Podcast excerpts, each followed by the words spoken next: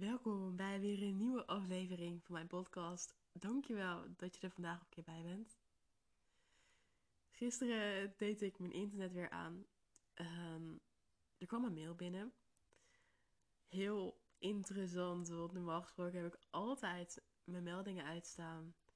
Ehm, maar deze kwam er op een of andere manier tussendoor. Dus ik dacht, hmm, oké, laat ik de mail maar gaan openen. Dus ik opende mail en het ging over liefde, liefde voor jezelf, maar specifiek ook liefde voor je eigen lichaam.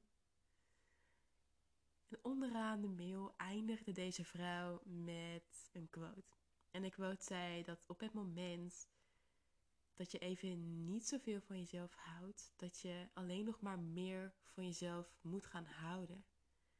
Dat je jezelf moet gaan forceren om dus goed voor jezelf te zorgen.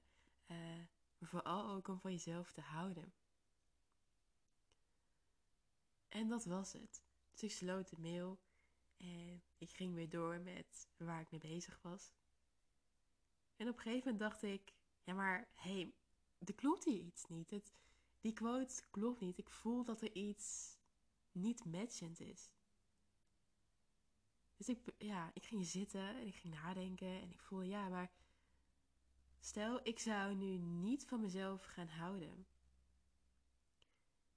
Dan zou ik moeten gaan forceren om wel van mezelf te gaan houden, want dat is wat de quote zei. Dus ik begon dat mee in te beelden hoe dat voor mij zou zijn. Dat ik voelde, ja, dit, dit voelt zo niet kloppen. Dit voelt geforceerd. Ik word eigenlijk alleen maar ongelukkiger omdat ik dus het besef heb dat ik niet van mezelf hou. En dat ik dus moet gaan forceren om dat wel te doen, waardoor ik nog meer zie wat ik eigenlijk niet heb.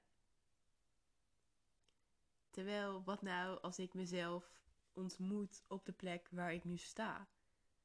Dat ik voel, oké, vandaag is de liefde voor mezelf er niet helemaal. Oké, wat nou als ik mezelf eraan overgeef? Wat nou als ik dat gewoon accepteer in plaats van dat ik de acceptatiefase oversla en direct ga forceren dat ik dus wel voor mezelf moet gaan houden. En opeens klikte dat ik ook dacht, ja, maar dit is waar het zo vaak misgaat tussen aanhalingstekens. Dat we iets willen veranderen, dat we iets anders willen hebben, maar dat we de hele acceptatiefase overslaan. Op het moment dat je bijvoorbeeld twijfelt over je richting in het leven of over een baankans of een baankeuze,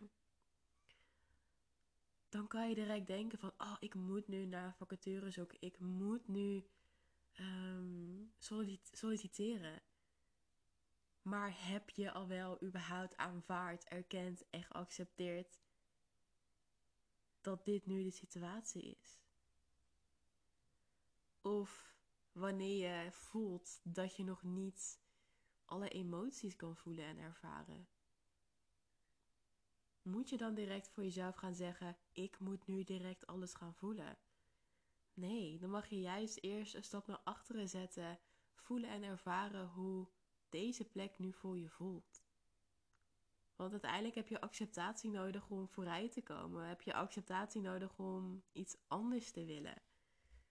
Maar heb je ook acceptatie nodig om ruimte te maken voor iets nieuws? Dus mocht je ooit de quote voorbij zien komen dat je geforceerd van jezelf moet gaan houden, weet dat het anders kan. Weet ook dat het anders mag. En vooral ook dat je dat aan jezelf mag gaan geven.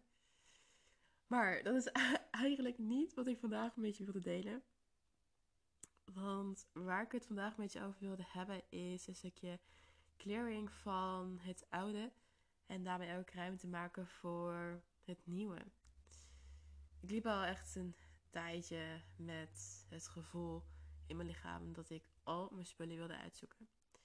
Ik heb afgelopen juli en augustus alles uitgezocht, al mijn spullen, want ik heb mijn huis opgezegd. Um, waardoor al mijn spullen ook in in de opslag kwamen. Ik heb, ik heb tussendoor even de halve heken, dus sorry daarvoor.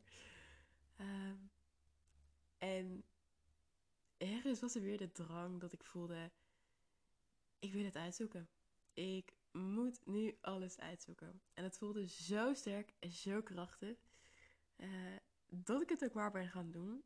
Dus afgelopen weekend, ik heb alle spullen in handen gehad. Ik heb alles uitgezocht. En uiteindelijk vijf vuilniszakken weggegooid. Een deel naar de kringloop. Uh, een deel van mijn kleding nog weggegeven. Spullen die echt gewoon kapot waren. En ja, waar ik gewoon echt niks meer mee doe, die heb ik weggegooid. Uh, maar het voelde zo bizar fijn om dat te doen. Echt zo bizar. Ik merkte sowieso dat sinds ik op reis ben geweest, dat ik echt kritischer ben geworden over de spullen die ik heb. Dat ik daar echt heb gemerkt en gevoeld dat je heel weinig nodig hebt. En vooral op het moment dat je jezelf al hebt en dat je in jezelf ook een tijd kan ervaren.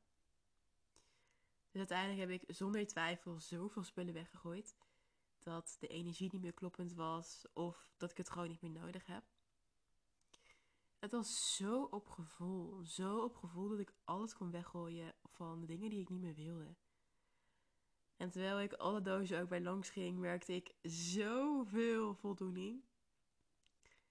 Het voelde een soort wedergeboorte. Dat, dat er zoveel weg kon en dat er een nieuwe space ook voor mij um, terugkwam, als het ware. En dat daarmee ook een oude energie weg is. Een oude energie die mij lang heeft gediend, die mij lang heeft geholpen, maar die nu in dit moment ook niet meer kloppend voelde. Ja, soms ontgroei je iets. En voor een bepaalde tijd in je leven was het kloppend, maar voor een nieuwe tijd niet meer. Voor mij voelt het ook als overgave. Om je vanuit deze staat van zijn volledig over te geven aan het leven. Je vertrouwt erop dat het leven je geeft wat je nodig hebt. Daarnaast ga je ook mee in de signalen van je lichaam. Omdat je weet en voelt dat je lichaam jou de weg wijst. Dat je lichaam jou de signalen geeft die je nodig hebt. Omdat je lichaam altijd slimmer is dan dat jij bent. Dus mijn vraag aan jou is: zijn er op dit moment gebieden waar je ruimte mag maken? Is er op dit moment een gebied waar het heel vol voelt, heel pressure-achtig? Misschien op het vlak van spullen, op het vlak van werk of de mensen om je heen. Want uiteindelijk om iets nieuws te laten groeien mag je eerst iets loslaten. Zodat het nieuwe zich niet ergens tussen hoeft te murmen, maar echt de ruimte heeft om alle ruimte in te nemen wat het nodig heeft. Ruimte voor jezelf.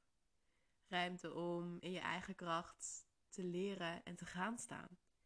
Ruimte om jezelf te zijn en om jezelf te eren, maar ook ruimte om te voelen, te zijn en te helen.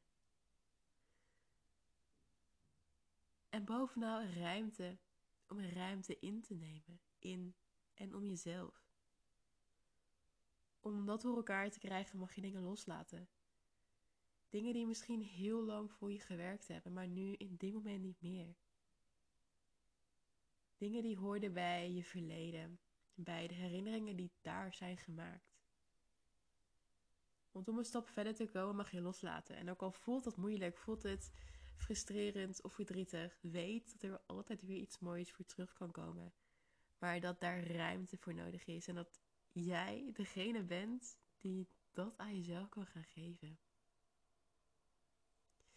Dus ga maar eens kritisch al je gebieden langs. Waar mag je ruimte maken? Waar mag je iets loslaten? Zodat er ruimte komt om iets nieuws te laten groeien. Alright. Dit is wat ik vandaag met je wilde delen.